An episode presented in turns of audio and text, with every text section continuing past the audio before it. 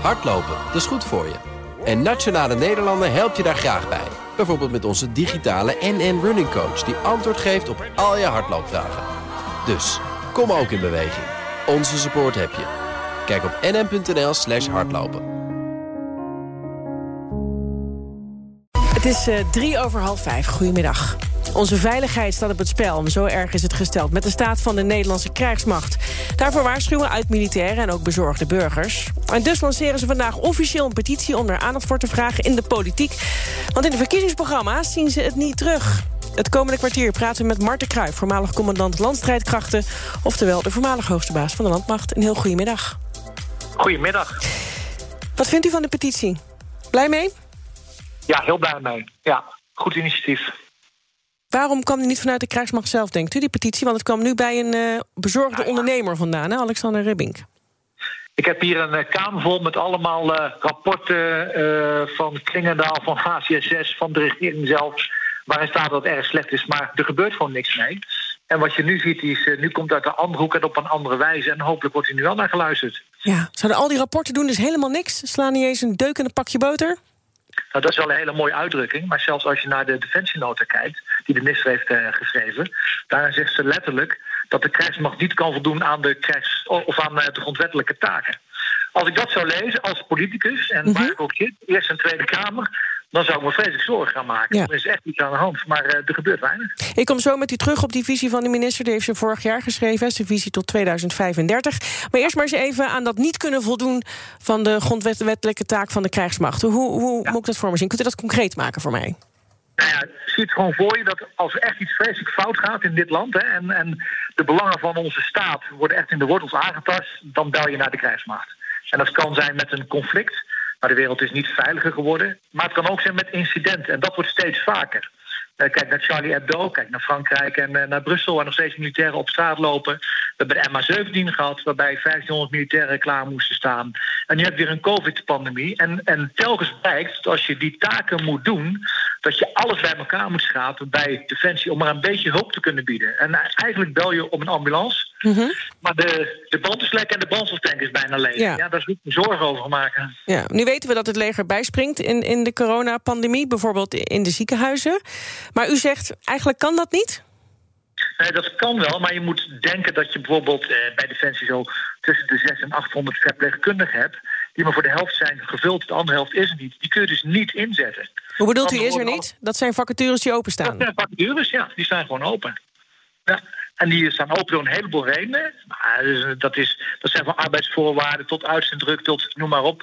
Waardoor mensen wel binnenkomen. Dat is niet het probleem. Het is geen vullingsprobleem. Maar dat is wel een groot uitstroomprobleem. Dus daar moet je gewoon structureel wat aan gaan doen. Dat lost niet zomaar meer op. En dat zegt de minister ook. Het, het lijkt wel een beetje op uh, het probleem van de IC-capaciteit. Dat is prima zolang het goed gaat. Maar zodra je problemen hebt, dan heb je ook echte problemen.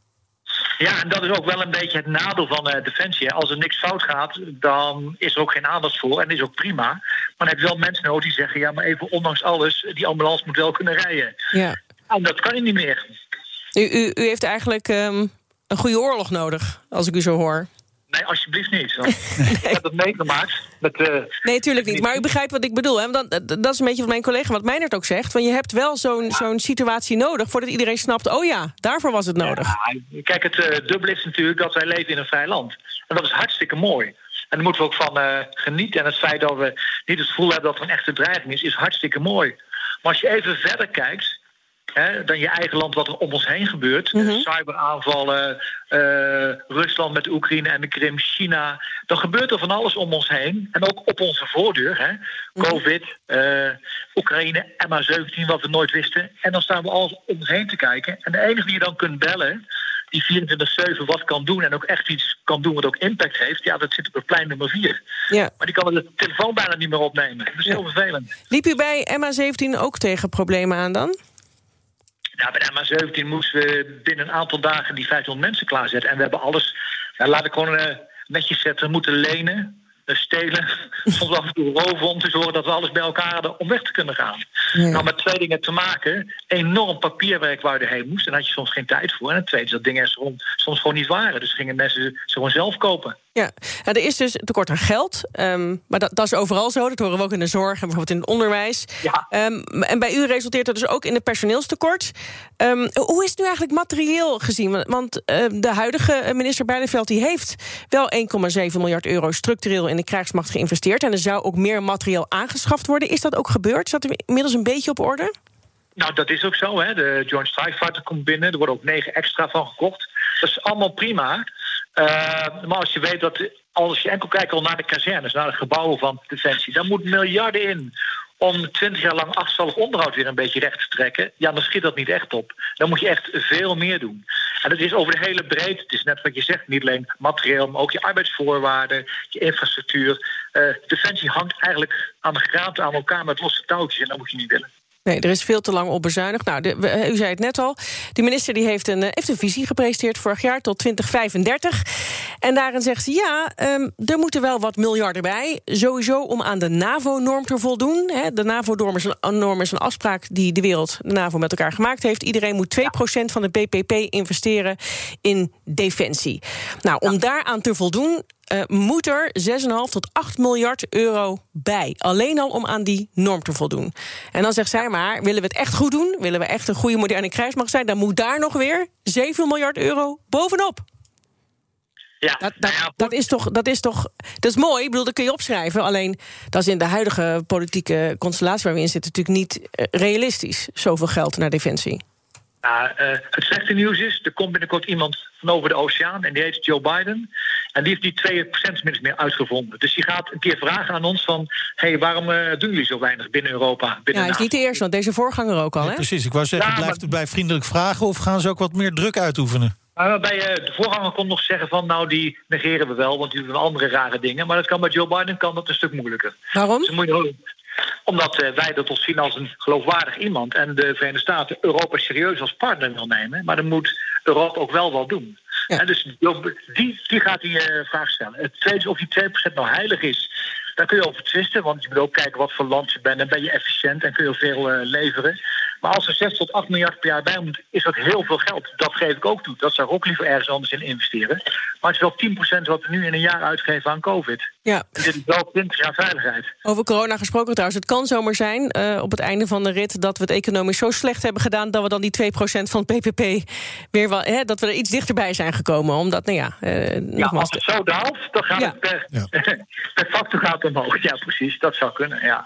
Ja, maar goed, maar dat is dan weer een rekenkundige oplossing... wat het probleem niet oplost. Nee, precies. Uh, maar wat ik me afvroeg is, hè, dus die minister, CDA-minister... die snapt dus dat daar zoveel miljarden bij moeten... wil je daar een moderne krijgsmacht van maken. Maar dan kijk je naar het verkiezingsprogramma. Laten we beginnen met die van het CDA. En daar staat dan in van nou, over tien jaar... kunnen we het wel optrekken naar de NAVO-norm van 2% BBP. Dat is dus over tien jaar. Dat is dus geen 2024, maar 2031. Wat vindt u daar dan van? Ja, dat het CDA dan ook nog zegt dat de 2% wel ook in de wet moet worden verankerd. Dus dat is wel heel wat. Maar dat is ook wel zo. Als je defensie gaat opbouwen, dan moet je niet denken dat als je volgend jaar 20 miljard euro bijgeeft, dat je het ook kunt uitgeven. Dat, dat kost echt tijd. Dat kost echt tijd. Als je een schip wil kopen, kost dat gewoon 10 jaar. Ja, dus je vindt dus dat prima dat dat, dat, dat zo wordt ge, gepresenteerd bij het CDA? Dat je zo'n zo doel hebt, daar kan ik mee leven. Defensie afbreken, ja, je zet wat stil en dan levert het geld op. Dat is niet zo moeilijk, maar het opbouwen kost je gewoon jarenlang. Ja. Dus je moet het wel kunnen wegzetten binnen je organisatie. Je luistert naar BNR in de middag. We praten over de staat van de Nederlandse krijgsmacht... met Marten Kruijf, voormalig hoogste baas van de landmacht. Ja, we hebben net even het CDA doorgenomen... maar als u kijkt naar de andere eh, verkiezingsprogramma's van de andere partijen... en u gaat een beetje formeren, waar komen we dan op uit? Kijk, het eerste wat me opvalt is dat er heel veel copy-paste in staat van vier jaar terug. Oh. Ik vind de creativiteit van de programma's vind ik, zeg maar, onder het eh, gemiddelde, om het mild te zeggen. Ja, maar dat klinkt toch ook alsof het een beetje een sluitstuk is van die programma's? Ja. Je moet echt zoeken naar de defensieparagrafen soms in uh, de begroting. Uh, en uh, ja, of, daar moet iedereen wat van vinden. Maar binnen dat zie je het hele spectrum. Je ziet dat de christelijke partijen en het CDA en daarna de VVD... maar D66 eigenlijk ook toch wel inzetten op meer defensie. Mm -hmm. En de linkerkant van het blok op minder defensie. Maar wat mij vooral zorgen baart is dat allemaal van die, van die ja, geen integrale verhalen zijn. Dat niet echt een defensievisie aan vast zit. Wat doe je met personeel? Wat doe je met je hoofdtaak? Wat doe je met je materieel? Ja. Het zijn allemaal losse zinnen bij elkaar. Dat is hetzelfde als uh, vier jaar terug. En, en dat maakt ons denk ik een heleboel anderen niet zo vrolijk. Nee, nee, en ook nog eens een keer, stel, uh, we hebben natuurlijk nu die hoge staatsschuld... we hebben het hoekschaal even in de mond horen nemen... uiteindelijk moet je gaan bezuinigen. Ja, dan komen ze natuurlijk ook weer uit bij Defensie. Terwijl het nog niet eens op de kracht is zoals het zou moeten zijn. Nou, maar dat is van deze petitie. Het is niet Marten Kruijf die zich hier zorgen maakt... maar het, is, uh, het zijn burgers die zich hier zorgen maken... en daarmee zijn begonnen. En die kijken mm -hmm. om zich heen die denken... volgens mij gaat er iets fout en zien we iets niet... En zijn ze naar ons gekomen en uh, hebben gezegd: kunnen jullie ons helpen met je netwerk om dat te activeren? Nou, natuurlijk doen we dat. Want wij staan hier echt voor dezelfde zaak. Ja. Maar dit is geen militair feestje. Dit komt echt uit de burgerwereld. Van betrokken burgers bij dit land die zich zorgen maken. Ja. Dan moest je wel eens wakker worden, denk ik. Tegelijkertijd zijn er ook politici, ik noem even Geert Wilders, die zei in de Kamer: uh, haal het, roep het leger er maar bij. Toen, het, toen bij die rellen. Hoe, hoe kijkt Ja. u daar dan naar? Want ik kan me ook voorstellen, denkt: ja, dat kun je wel roepen, alleen we hebben de mensen niet. Nee, nou ja, los of ze zouden willen hebben. Eh, iedereen heeft zijn eigen hoofdtaak. En eh, zolang de politie dat prima aan kan, dan moet je dat vooral doen. Dan moet je niet het leger inzetten. Eigenlijk kom ik het terug naar het begin. Het leger zet je in als echt iets helemaal uit de klauw giert. En zolang dat niet is, moet je dat niet doen. Nou, u, u zei eigenlijk net ook dat de druk vooral van buiten moet komen. hè, Van, eh, van Biden, die echt gaat zeggen... nou, Europese landen, gaan nou eens even investeren in defensie. We hebben dat nodig. Hoe kijkt men op dit moment aan tegen de Nederlandse defensie vanuit het buitenland? Want we horen altijd dat men zoveel bewondering heeft... voor hoe wij het doen. Nou, NATO is heel eh, duidelijk in. NATO heeft in een review van de Nederlandse defensie twee dingen opgeschreven. Namelijk dat onze logistiek ver onder pijl is. Echt ver onder pijl. En dat onze vuurkracht in algemene zin veel te laag is. Van de Nederlandse krijgsmacht. Eh, dat is het formele standpunt van NAVO. Oh ja. En nogmaals, en die schrijven alles wel keurig netjes op. Ja. Maar dat is wat er aan de hand is. En je merkt heel goed eh, dat als je kijkt naar de investeringen binnen Europa... eh, dat wij er steeds meer beginnen achter te blijven. Ja, ik kan me ook voorstellen dat ze bij de NAVO op een gegeven moment zeggen... nou Nederland, jullie maken er zo'n potje van, ehm, zoek het maar uit. Jullie willen steeds wel meedoen en leunen op, op ons, op ons materieel. Maar eh, we kappen ermee. Ja, dus natuurlijk niet enkel eh, NAVO, maar we werken ook heel, heel intensief samen. Bijvoorbeeld de marine Mhm. met België, met Engeland, landmacht met eh, Duitsland. Ja, dan moet je ook wel een betrouwbare partner zelf kunnen tonen.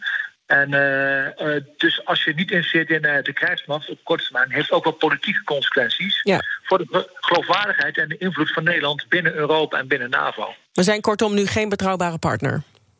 Nou ja, ik zou niet zeggen dat het niet veel betrouwbaar zijn, maar het eh, kan veel beter, dat weten we allemaal. Dank, Marten Kruijf, voormalig commandant van de Landstrijdkrachten. Vond je dit nou een interessant gesprek en wil je graag meer van dit soort langere gesprekken luisteren? Goed nieuws, dat kan. We plaatsen ze namelijk online als podcast. Ga naar bnr.nl slash topgast of zoek op topgast in de BNR. Hardlopen, dat is goed voor je. En Nationale Nederlanden helpt je daar graag bij. Bijvoorbeeld met onze digitale NN Running Coach... die antwoord geeft op al je hardloopvragen. Dus, kom ook in beweging. Onze support heb je. Kijk op nn.nl slash hardlopen.